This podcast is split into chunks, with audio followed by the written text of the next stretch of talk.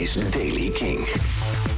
Bewolkte dag. In het noorden kan er wat regen vallen in de ochtend. Vanmiddag meer buien. Temperatuur 10 graden Wadden en 15 in Limburg. Nieuws over Placebo, Marilyn Manson, Tidal, Razorlight en Down the Rabbit Hole. Dit is de Daily King van maandag 3 mei. Michiel Veenstra. Calling all Placebo fans worldwide on the 2nd of May. Dat postte Placebo gisteren op Instagram.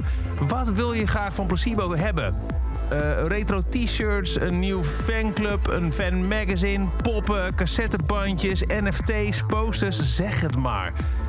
Ja, nieuwe muziek en concerten. Uh, dat snap ik ook wel, dat je dat graag wil, zeggen ze vervolgens. Maar hey, geen paniek, album 8 is klaar. En wordt op dit moment klaargestoomd voor release. En we zijn ook bezig met het boeken van live data. Oh, maar in de tussentijd, wat wil je nog meer van ons hebben? Laat het maar weten. Kortom, binnenkort nieuwe muziek van Placebo. Manson heeft ontkend dat hij Esme Bianco, de Game of Thrones actrice, seksueel zou hebben misbruikt. Dat doet hij via zijn advocaat in een verklaring.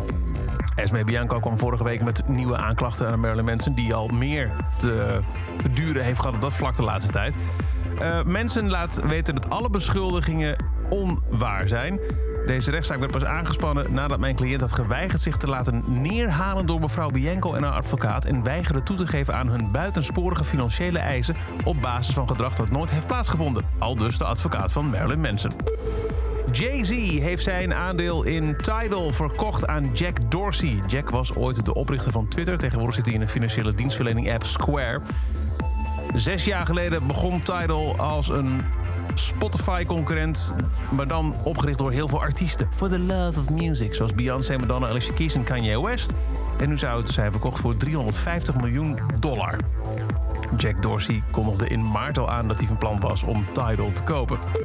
Na tien jaar is Razorlight terug in de meest succesvolle line-up.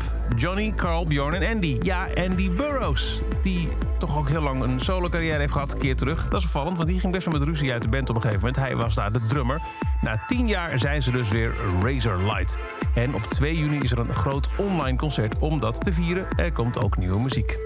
En Down Rabbit Hole 2021 is volledig uitverkocht. 27, 28, 29 augustus op het terrein van Lowlands in Biddinghuizen. Er waren nog 8000 kaarten, maar die vlogen zaterdag in 4 minuten de deur uit. Toch niks missen van Down Rabbit Hole? Kink is erbij en zendt alle drie de dagen uit vanaf het festivalterrein. Dat zou voor de Daily Kink. Elke dag er een paar minuten bij met het laatste muzieknieuws en nieuwe releases. Niks missen? Luister dan dag in dag uit via de Kink-app, kink.nl of waar je ook maar naar de podcast luistert. En voor meer muzieknieuws en nieuwe muziek check je elke avond om 7 uur Kink in Touch. Elke dag het laatste muzieknieuws en de belangrijkste releases in de Daily Kink. Check hem op kink.nl of vraag om Daily Kink aan je smart speaker.